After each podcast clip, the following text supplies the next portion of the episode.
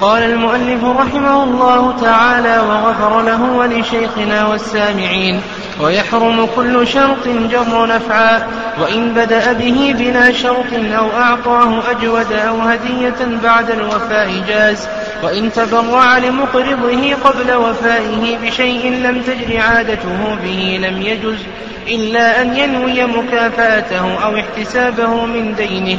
وإن أقرضه أثمانا فطالبه بها ببلد آخر لزمته وفي مال حمله مؤونة قيمته إن لم تكن ببلد القرض ينقص. تقدم لنا شيء من أحكام الرهن من أحكام القرض. وذكرنا من ذلك تعريفا. وأن القرض في اللغة القطع وأما في الاصطلاح فهو بذل مال أو دفع مال لمن ينتفع به ويرد بدله. وذكرنا دليله من القرآن ومن السنة والإجماع. وأيضا ذكرنا حكمه وأن المؤلف رحمه الله تعالى ذكر أنه مندوب وهو في حق حق المقرض مندوب وأما في حق المقترض فهذا مباح وجائز إذا كان هناك حاجة إذا كان يحتاج. أما إذا لم يكن هناك حاجة فالأولى أنه لا يقترض لأنه يشغل ذمته والشارع يتشوف كثيرا إلى إبراء الذمم ولهذا النبي صلى الله عليه وسلم كان في أول الأمر إذا قدم إليه الميت سأل هل عليه دين أو لا فإن كان عليه دين قال صلوا على صاحبكم. ثم بعد ذلك لما فتحت الفتوح وجلبت الغنائم قال النبي صلى الله عليه وسلم من ترك مالا فلورثته ومن ترك دينا أو عيالا فإلي وعلي وتقدم ما الذي يصح قرضه وأن المؤلف رحمه الله ذكر ضابطا وهو كل ما صح بيعه صح قرضه. تقدم لنا ضابط ما يصح بيعه وأن ما يصح بيعه كل ما أبيح نفعه أبيح بيعه إلا ما استثناه الشارع وهل يملك بقبضه أو بالعقد؟ تقدم. وكذلك أيضا هل يتأجل القرض بالتأجيل أو لا يتأجل وذكرنا أنهم يفرقون بين الدين القرض وبين بقية الديون وأن بقية الديون تتأجل بالتأجيل وأما دين القرض فيرون أنه لا يتأجل بالتأجيل والصحيح في ذلك أن دين القرض كسائر الديون وأنه يتأجل بالتأجيل كما أنه تقدم لنا أنهم يفرقون بين دين السلم وبين بقية الديون فدين السلم لا يصح بيعه ولا أخذ الرهن به ولا الكفيل ولا الضمين ولا الحوالة به ولا الحوالة عليه يشددون فيه أو يضيقون فيه إلى آخره. والصحيح أنه لا فرق. تقدم لنا المثل والقيم ما هو المثل وما هو القيم. الظاهر انتهينا على هذه. وأن المثل في المشهور من مذهب الإمام أحمد رحمه الله مذهب الشافعية أن المثل هو كل مكيل أو موزون يصح السلم فيه. كل مكيل أو موزون لا صناعة فيه مباحة يصح السلم وما عدا ذلك فهو قيمي. والرأي الثاني الرأي الثاني في المسألة وما ذهب إليه أبو حنيفة رحمه الله تعالى وأن المثل ما له مثل في الأسواق والقيم ما ليس له مثل في الأسواق. وعلى هذا يكون المثل أوسع من القيم. يعني يكون المثل أوسع من القيم. خلاف ما ذهب إليه الشافعية والحنابلة فإن الشافعية والحنابلة يرون أن المثل مخصوص بالمكيلات والموزونات والقيم ما عدا ذلك. الصحيح أن المثل ما له مثل في الأسواق والقيم ما ليس له مثل في الأسواق.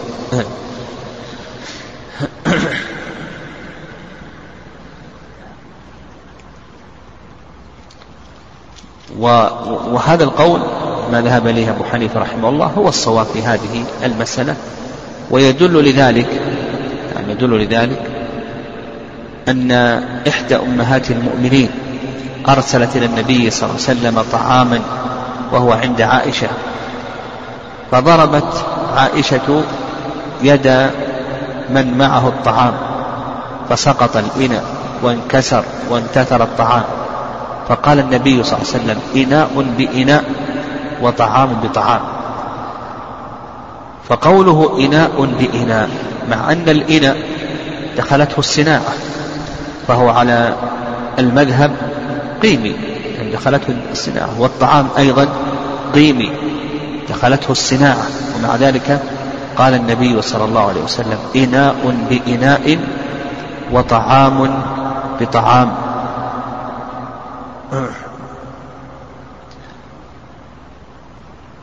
فأوجب النبي صلى الله عليه وسلم المثل ولم يوجب القيمة فدل ذلك على أن المثل ما له مثل في الأسواق وأن القيم ما ليس له مثل في الأسواق.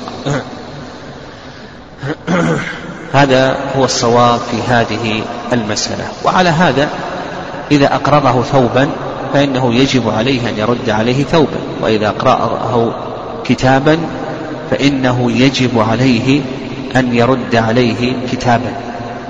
وإذا أقرضه دراهم وجب عليه أن يرد دراهم وهكذا. قال المؤلف رحمه الله تعالى ويحرم كل شرط جر نفعا وإن بدأ به بلا شرط أو أعطاه أجود أو هدية بعد فالوفاء جاز. وإن تبرع لم يجز إلا أن ينوي مكافأته على ذلك أو احتسابه من دين. يعني يقول المؤلف رحمه الله تعالى ويحرم كل شرط جر نفعا كل شرط جر نفعا في القرض يقول المؤلف رحمه الله محرم ولا يجوز. وذلك أن عقد القرض من عقود التبرعات التي يقصد بها الإرفاق والإحسان لا يقصد بها العوض لأن صورة القرض هي ربا النسيئة. صورة القرض هي ربا النسيئة. تعطيه ذهب قرضا تأخذ ذهب بعد شهر هذا ربا النسيئة. تعطيه ريالات ألف ريال تأخذها بعد شهر. هذا ربا النسيئة الواجب عندما تبادل ذهبا بذهب أو فضة بفضة الواجب أن يكون ذلك ماذا؟ أن يكون ذلك يدا بيد. أيضا عندما تعطيه ريالات أو جنيهات الواجب أن يكون ذلك يدا بيد. لكن جوز تأخير القبض لأنه من عقود الإرفاق. والإحسان والتوسعة على الناس. فحرم أن يؤخذ عليه منفعة. المنفعة على القرض هذه محرمة ولا تجوز وسيأتينا إن شاء الله ما يتعلق بأقسام هذه المنفعة وضابطها. لأنك إذا أخذت منفعة على هذا القرض أو شرطت منفعة على هذا القرض أخرجه عن موضوعه.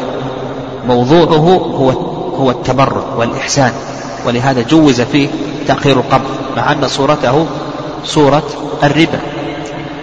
فإذا شرطت فيه المنفعة أخرجه ذلك عن موضوعه إلى أن يكون من عقود المعاوضة. إذا كان من عقود المعاوضة فإنه لا بد فيه من القبض. نعم.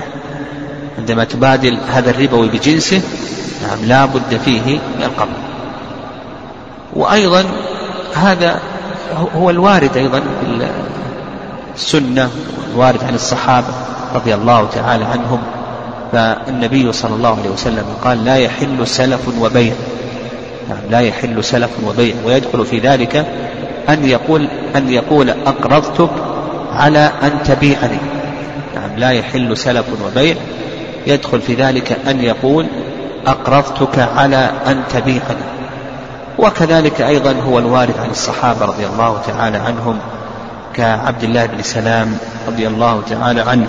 كذلك أيضا ابن عباس رضي الله تعالى عنهما وارد عن عبد الله بن سلام. وكذلك أيضا عن ابن عباس وغيرهما من الصحابة رضي الله تعالى عنهم.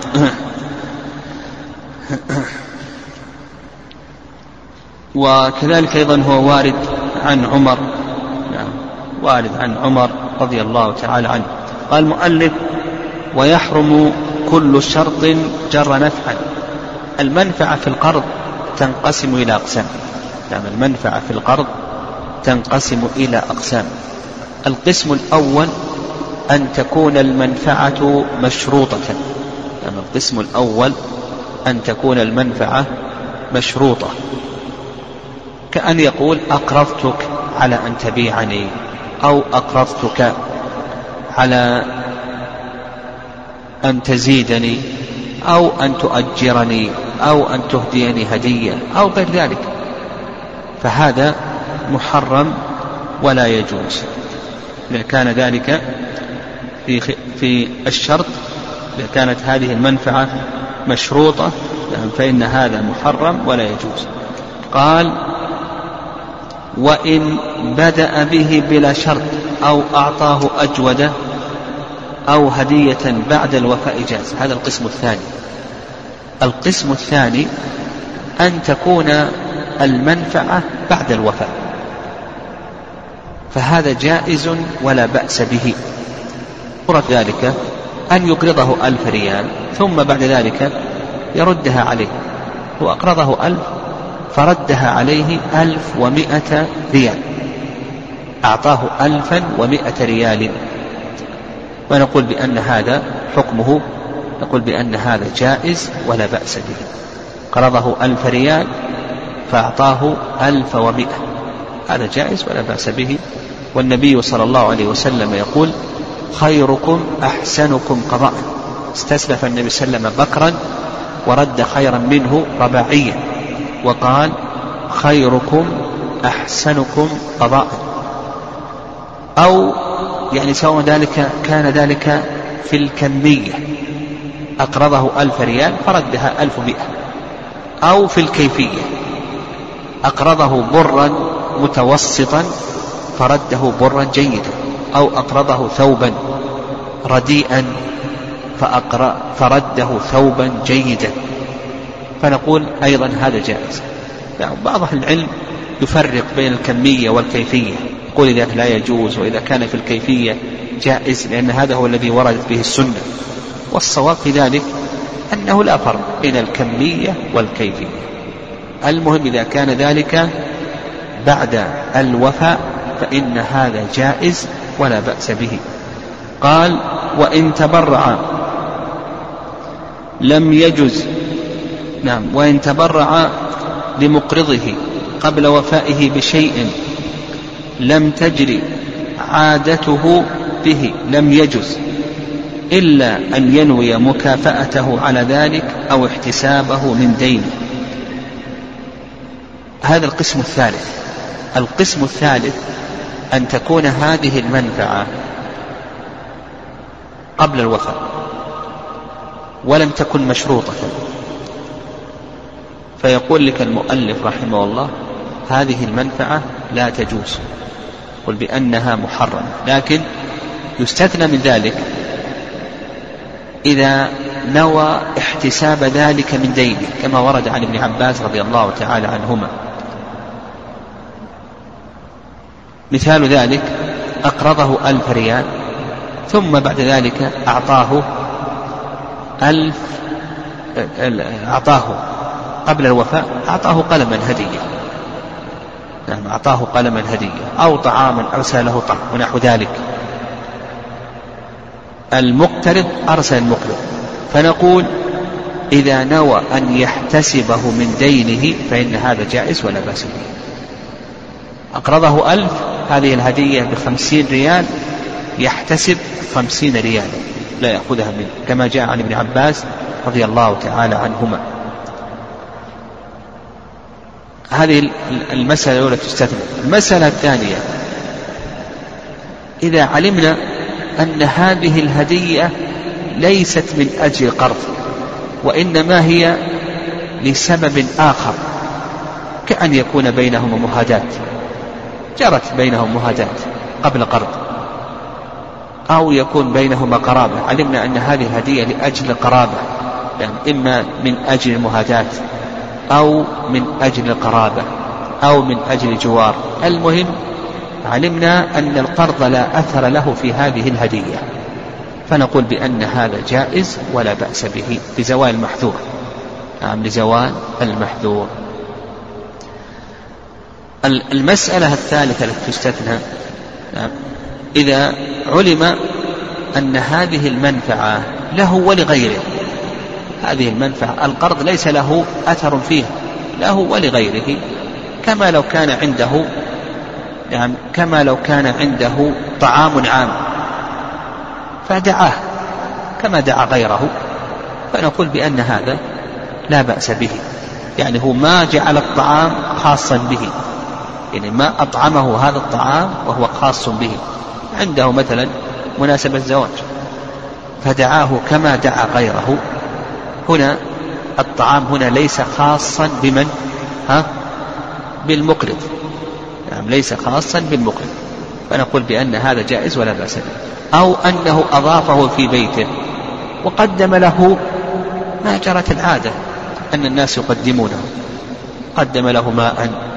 أو شرابا جرت العادة أن الناس يقدمونه للمقرض فنقول بأن هذا جائز ولا بأس به. لكن لو ميزه بشيء لم تجر به العادة كطعام ميزه بطعام لم تجر به العادة فهنا لا بد أن يحتسبه من دينه.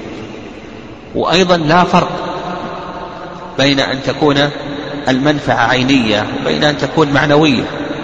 عينية كما لو أعطاه قلما أو كتابا أو معنوية كما لو أركبه على سيارته أو أسكنه في بيته يعني في الأشياء التي لم تجري العادة.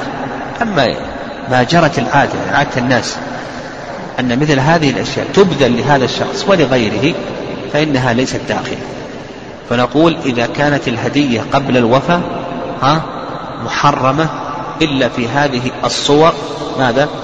في الصور الثلاث. نعم هذه في الصور الثلاث. وبهذا نعرف ما يسمى بجمعية الموظفين. هل هي داخلة في هذه المسألة أو لا؟ ما يسمى بجمعية الموظفين. وجمعية الموظفين هي أن يشترك مجموعة من الناس بدفع مبلغ معين من المال يأخذه أحدهم كل مرة يعني كل شهر أو كل أسبوع أو كل سنة حسب ما يتفقان عليه. يعني حسب ما يتفقان عليه. فهذه الجمعية هل هي داخلة في المنفعة التي تجر نعم القرض الذي آه، جر منفعة أو ليست داخلة؟ هل هي داخلة أو ليست داخلة. بعض العلماء يرى أنها داخلة. وقال بأنه أقرضه لكي ينتفع. نعم لكي ينتفع بالقرض. هو أقرضه لكي يقرضه.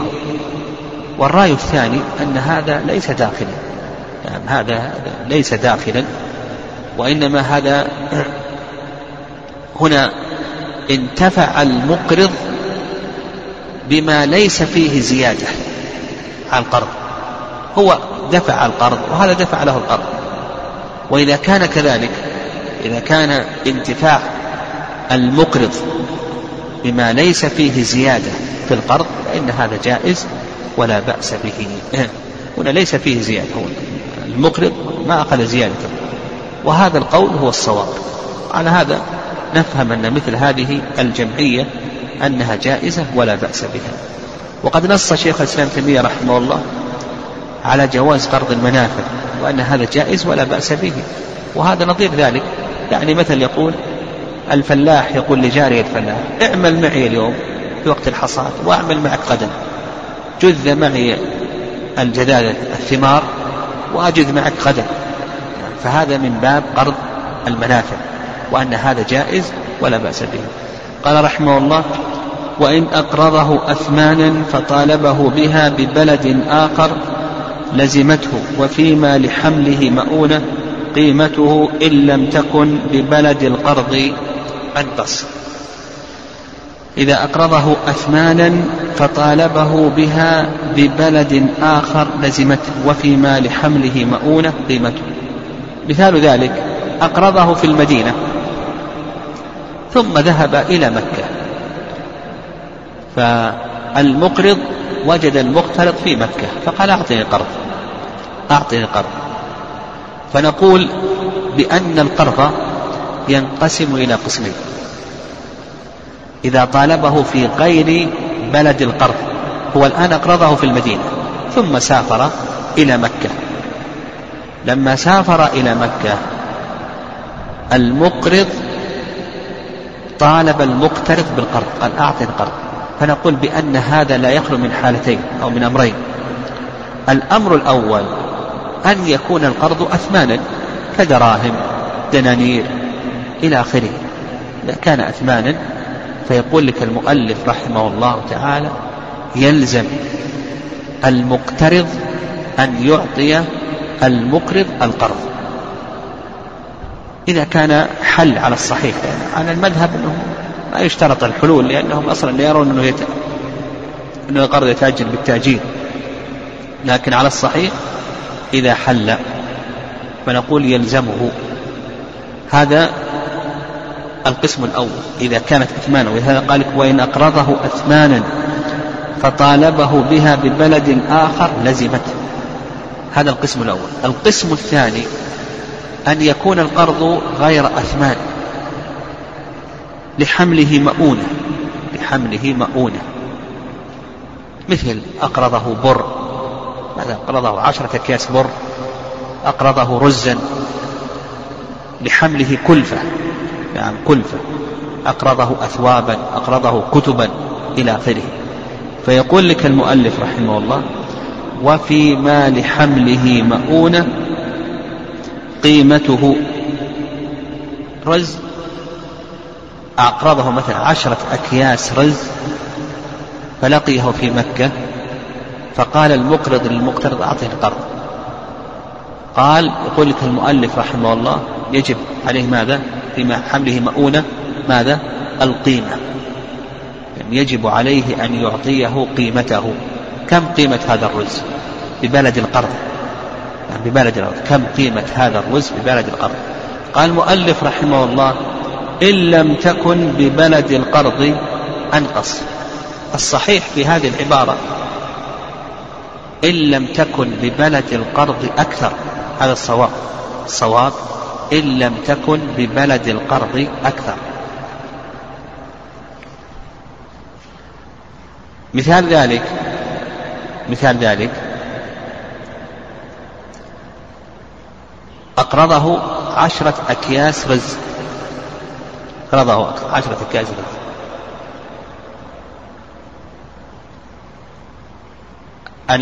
هذه الأكياس الرز المقرض طالب المقترض بها في مكة.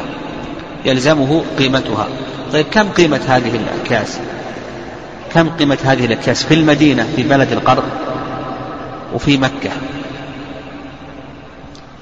إذا كانت هذه الأكياس عشرة أكياس ألف ريال في المدينة وفي مكة ثمانمائة ريال. هل يجب عليه أن يعطيه؟ يعني هل يجب عليه أن يعطيه القيمة أو لا يجب عليه أن يعطيه القيمة؟ ها؟ أقول لا يجب. لأنها في بلد القرض ماذا؟ أكثر. لأنه سيعطيه كم؟ ألف ريال. هنا ما يجب عليه. لكن إذا كانت في بلد القرض أنقص وجب عليه أن يعطيها. يعني هو أقرضه الآن في المدينة عش عشرة أكياس رز طالبه في مكة. بمكة بألف وبالمدينة ثمانمائة. قال أعطني ثمانمائة الآن؟ ها؟ يجب عليه أن يعطيها ثمانمائة أو لا يجب عليه؟ يجب عليه أن يعطيها ثمانمائة إذا كانت أقصى أنقص. أما إذا كانت أكثر في بلد القرض فإنه ما يجب عليه. ينتظر حتى يرد إلى بلد القرض ثم بعد ذلك يسلمه ثم ذلك يسلمه ما اتفقا عليه. أعيد الكلام. القسم الثاني كما ذكرنا إذا كانت في بلد القرض هو يقول لك الماتن أنقص والصحيح ماذا؟ أكثر هذا الصحيح. أقرضه في مد في المدينة رزا طلبه في مكة. يقول لك المؤلف رحمه الله يجب عليه أن يعطيه القيمة. لكن متى يجب عليه أن يعطيه القيمة؟ يشترط ماذا؟ أن تكون في بلد إن في بلد القرض أنقص. فإن كانت في بلد القرض أكثر لا يجب عليه. فمثلا هذا الرز قيمته في المدينة ألف في في مكة ثمانمائة ما يجب عليه نعطيه ثمانمائة ألف. لكن لو كانت قيمته في المدينة ثمانمائة وفي مكة ألف يجب عليه أن يعطيه كم؟ الثمانمائة. هنا انتهى. يعني بقي علينا يعني بعض المسائل تتعلق بالقرض. يعني بعض المسائل تتعلق بالقرض. منها الودائع البنكية. الودائع الآن التي توجد في المصارف. والودائع التي توجد في المصارف أشهرها قسمان. الودائع المصرفية هذه أشهرها قسمان. القسم الأول الودائع تحت الطلب أو نقول الودائع الجارية التي تكون تحت الطلب. الودائع الجارية التي تكون تحت الطلب. والودائع الجارية هي عبارة عن المبالغ التي يودعها أصحابها في المصارف بقصد أن تكون حاضرة عند الطلب. المبالغ التي يودعها أصحابها في المصارف بقصد أن تكون حاضرة عند الطلب عند الحاجة. وهذه تسمى بالحساب الجاري يعني تسمى في المصارف بالحساب الجاري. هذه الودائع اختلف المتأخرون في تكييفها الفقهي. ما هو التكييف الفقهي لهذه الودائع؟ على رأيين. الرأي الأول الرأي الأول أنها عبارة عن قرض عبارة عن قرض يعني العميل إذا دفع هذه الأموال للمصارف يعني إذا دفع هذه الأموال للمصارف فهو يقرض هذا المصرف. وهذا ما عليه أكثر المتأخرين وعامة المجامع الفقهية الآن أكثر المتأخرين على أنها عبارة عن قروض. عبارة عن قروض. والرأي الثاني أن هذه المبالغ إنما هي ودائع. اعتبارا بقصد العميل وبما جرى عليها الاسم والصواب في ذلك نعم الصواب في هذه المسألة هو ما ذهب إليه أكثر أهل العلم وأن هذه الودائع عبارة عن قروض عن قروض ويدل لذلك عدة أدلة. الدليل الأول أن الفقهاء رحمهم الله تعالى يقولون إن المودع إذا أذن للمودع أن يتصرف في الوديعة إن المودع إذا أذن للمودع أن يتصرف في الوديعة ها؟ فإنها تنقلب إلى ماذا؟ تنقلب إلى كونها قرضا. لو أودعته ألف ريال. ثم قلت إن شئت تتصرف تصرف فيها. فأخذوا باع واشترى بهذه الألف. انقلبت إلى كونها قرضا. الدين الثاني أن المصرف دخل على أنه ضامن يضمن هذه الوديعة وهذا هو القرض. المقترض يضمن مال القرض مطلقا. لو كانت وديعة المودع هل يضمن ولا ما يضمن؟ المودع ما يضمن. المودع أمين لا يضمن إلا إن تعدى أو فرط. الدليل الثالث أن الوديعة ترد بعينها. أما هنا فإن الوديعة لا ترد بعينها. أنت إذا أودعته دراهم يجب عليه أن يرد هذه الدراهم بعينها. إذا ما أودعته إذا إذا لم يردها بعينها فهذه ليست وديعة. وعلى هذا الصواب في هذه المسألة أن هذه المبالغ التي تصير في هذه المصارف أنها عبارة عن قروض. ويترتب على هذا مسائل يعني يترتب على هذا مسائل. المسألة الأولى ما يتعلق بالفوائد التي تعطيها البنوك. أو المصارف. كما يوجد في آه، المصارف التقليدية التجارية هذه تعطي فوائد. فهذه داخلة في أي شيء؟ في المنافع المحرمة. كل كل قرض جر منفعة فهو ربا. وهو الآن يعطي فوائد قبل قبض المقترض العميل بهذه الأموال. هذه المسألة الأولى مما يترتب على ذلك. ما يتعلق بهذه الفوائد. يقول بأنها محرمة ولا تجوز. طيب المسألة الثانية المسألة الثانية ما يتعلق بالهدايا التي تقدمها المصارف. هدايا الآن تقدم مصارف لعملائها إلى آخره. هذه الهدايا تنقسم إلى قسمين.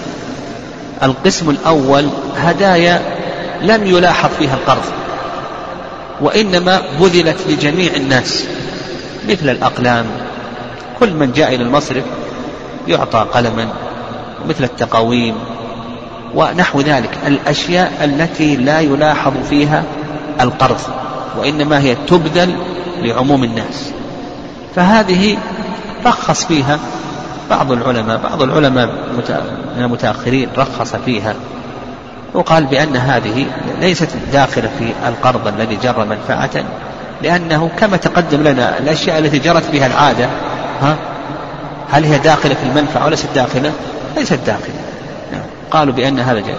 وبعض العلماء حرمها من وجه آخر لا من جهة أنها قرض جر منفعة وإنما حرمها من جهة أنها دعاية لهذه المصارف. يعني دعاية لهذه المصارف لأنه لا شك أن هذه المصارف تجعل اسمها ونحو ذلك ففي هذا دعاية لهذا المصرف. وعلى هذا إذا كان اسم المصرف على مثل هذه الأشياء فالتورع عنها آه، هذا هو الأليق بالمسلم يتورع عنه. هذه القسم الأول. القسم الثاني من الهدايا الهدايا التي يلاحظ فيها القرض. وأنه آه، آه، نعم. نعم وأنه كلما زاد حساب العميل فإنه يخصص ببعض الهدايا يخصص ببعض الألبسة أو بعض المراكب أو نحو ذلك فإن هذا هذا محرم ولا يجوز. هناك قسم ثالث من الهدايا يعني هناك قسم ثالث من الهدايا يقصد منها التيسير على العميل في استيفاء ماله يعني هناك قسم من الهدايا يقصد منها التيسير على العميل في استيفاء استيفاء ماله. هذا لا يدخل في التحريم. مثل لو أعطاك المصرف دفتر شيكات أو أعطاك بطاقة يعني بطاقة الصراف الآلي ونحو ذلك. فمثل هذه الأشياء التي يقصد منها التيسير على العميل لكي يستوفي ما له من مال عند هذا المصرف نقول بأن هذا هذا جائز ولا بأس به. طيب القسم الثاني ودائع نعم القسم الثاني ودائع الاستثمار وهي الودائع الآجلة. نعم ودائع الاستثمار وهي الودائع الآجلة. وودائع الاستثمار هي الودائع المرتبطة بأجل لا يستطيع صاحبها السحب من رصيده إلا بعد ف... إلا بعد مضي مدة متفق عليها أو إشعال المصرف بمدة سابقة. قلنا هذه ودائع الاستثمار وهذه الودائع ودائع الاستثمار هذه المصارف تعطي عليها فوائد وهذه الفوائد تزيد وتنقص بحسب طول المدة وقصرها. يعني بحسب طول المدة وقصرها. وتعطي على هذه الودائع أيضا شهادات. تسمى هذه الشهادات بشهادات الاستثمار. يعني تعطي عليها فوائد وأيضا تعطي عليها شهادات بما يسمى بشهادات الاستثمار. يعني شهادات الاستثمار. ولا شك أن هذا النوع أنه محرم ولا يجوز. يعني أنه محرم ولا يجوز. وأيضا بيع مثل هذه الشهادات. يعني هذه عبارة عن بيع دين يعني بيع دين فبيع الدين ب نعم بيع الدين بنقد هذه بيع النقود بنقد إلى آخره دون التقابض أو مع الزيادة والفضل إلى آخره هذا كله داخل في الربا. أيضا من المسائل قبل أن ننتقل إلى باب الرهن ما يتعلق بالبطاقات الائتمانية. ومعنى الائتمانية يعني الإقراضية. البطاقات الإقراضية. والبطاقات نعم البطاقات الائتمانية أو البطاقات الاقتراضية تتنوع إلى أنواع. النوع الأول بطاقات السحب الفوري أو الخصم الفوري. النوع الأول بطاقات الخصم الفوري وتسمى ببطاقات ال debit card ال debit card. وهي بطاقة الصراف الآن الموجودة وهذه ليست من البطاقات الإقراضية الائتمانية وإنما تستخدم مثل هذه البطاقة. أم هذه البطاقة تستخدم لكي يستوفي العميل شيئا من حسابه. ومثل هذه البطاقة استخدام هذه البطاقة آه، بيعا وشراء هذا جائز. حتى ولو أخذ عليها المصرف عمولة. يعني حتى لو أخذ المصرف عليها عمولة سواء كانت العمولة مقطوعة أو كانت العمولة بنسبة إلى آخره هذه جائزة ولا بأس بها وليست داخلة في البطاقات الائتمانية وإنما يذكرها العلماء رحمهم الله في أقسام البطاقات من باب التكميل يعني من باب التكميل. القسم الثاني نعم القسم الثاني من أقسام البطاقات آه، القسم الثاني آه، البطاقات الائتمانية البطاقات الإقراضية والبطاقات الائتمانية. وقبل ذلك بطاقة الصراف الآلي أو بطاقة الخصم الفوري كما تقدم هذه يصح استخدامها في الشراء. يعني حتى فيما يتعلق بشراء الذهب والفضة يصح أن تشتري فيها ذهبا وفضة. يصح أن تشتري من صاحب الذهب أن تشتري منه ذهبا وفضة بهذه البطاقات. آه، لأن القبض يحصل, يحصل فورا. فعندما يمرر البطاقة على الجهاز يخصم فورا من حساب المشتري إما إلى حساب العميل آه، إلى حساب البائع مباشرة أو أنه يحجز ويكون في هذا وكالة من قبل البائع مصدر هذه البطاقة. حجز هذا المبلغ ثم ذلك يدخل بعد فترة إلى حساب البائع. المهم أن القصر من نصيب المشتري أو من حساب المشتري هذا يحصل مباشرة. البطاقات الائتمانية أو البطاقات الإقراضية هذه نوعان. النوع الأول بطاقات الدين المتجدد والنوع الثاني بطاقات الخصم الشهري. بطاقات الدين المتجدد. هي عبارة عن بطاقات يتم فيها تقسيط الدين المستحق. عبارة عن بطاقات يتم فيها تقسيط الدين المستحق على العميل على فترات. تقسيط الدين المستحق على العميل على فترات. وتزداد قيمة الدين بزيادة, بزيادة فترة التسديد. تزداد قيمة الدين بزيادة فترة التسديد. وهذه البطاقات محرمة ولا تجوز. يعني هذه البطاقات محرمة ولا تجوز. يعني كلما تأخرت المدة زيد في الدين إلى آخره يقول بأنها محرمة ولا تجوز. القسم الثاني بطاقات الخصم الشهري وهي بطاقات يتم تسديد المبلغ على العميل. يعني بطاقات يتم تسديد المبلغ على العميل دفعة واحدة بعد مضي المدة المتفق عليها. بطاقات الخصم الشهري وهي عبارة عن بطاقات يتم تسديد المبلغ على العميل دفعة واحدة بعد مضي المدة المتفق عليها.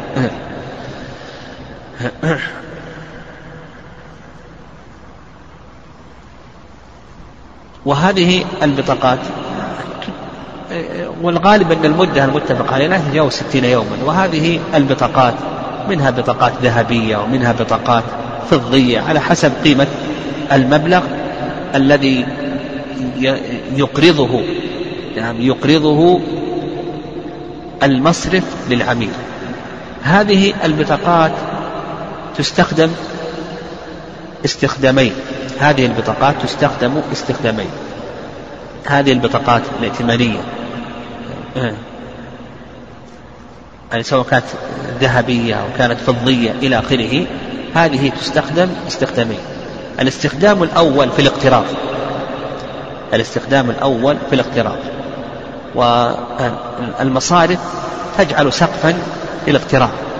يقترض العميل من هذه من المصرف بهذه البطاقة. قد إذا كانت ذهبية قد يصل إلى عشرين ألف وإذا كانت فضية قد يصل إلى عشرة آلاف إلى آخره. وحسب ما تقرر أن كل قرض جر منفعة فهو ربا يقول بأن هذا بأن الاقتراض بمثل هذه البطاقات يشترط له شروط. يشترط له شروط. الشرط الأول نعم الشرط الأول أن إذا كانت البطاقة إذا كانت البطاقة برسم. يعني يصدرها المصرف برسم.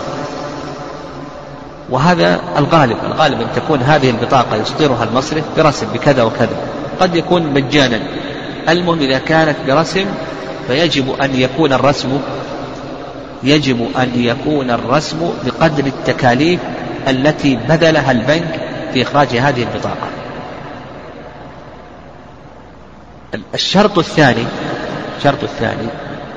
عند اقتراض العميل بهذه البطاقة فإن المصرف الغالب أنه يأخذ عمولة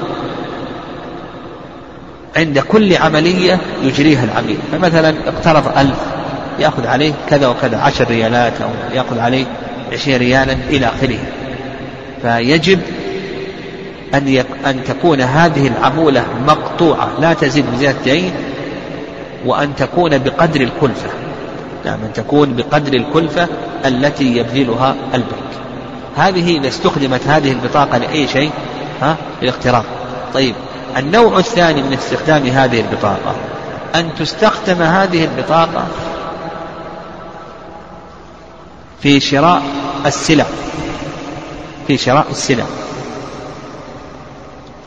هنا نشترط كما تقدم إذا كانت غير مجانية. لا بد أن أن تكون أن يكون الرسم الذي أخذه المصرف بقدر الكلفة التي بذلها عند إخراج هذه البطاقة. هذا الشرط الأول. الشرط الثاني الشرط الثاني. أيضا إذا كان المصرف يعني إذا كان المصرف يأخذ عمولة. يعني إذا كان المصرف يأخذ عمولة عند استخدام العميل لهذه البطاقة. يعني عند استخدام هذه العميل لهذه البطاقة فيجب أن يكون ذلك بقدر الكلفة التي بذلها المصرف. يعني يجب أن يكون ذلك بقدر الكلفة التي بذلها المصرف. وهنا أيضا مسألة أخرى وهي أن أن أن التاجر المصرف عندما يستخدم العميل هذه البطاقة في شراء السلع. فإن المصرف يحمل التاجر نسبة نسبة. مقابل إجراء هذه العملية. التاجر يحملها هذه النسبة للعميل. التاجر يحمل هذه النسبة للعميل. هذه التحميل هذا منع منه بعض العلماء. يعني كون التاجر يحمل هذه النسبة للعميل هذا منع منه بعض العلماء. نعم. نعم. وعلى هذا نعم.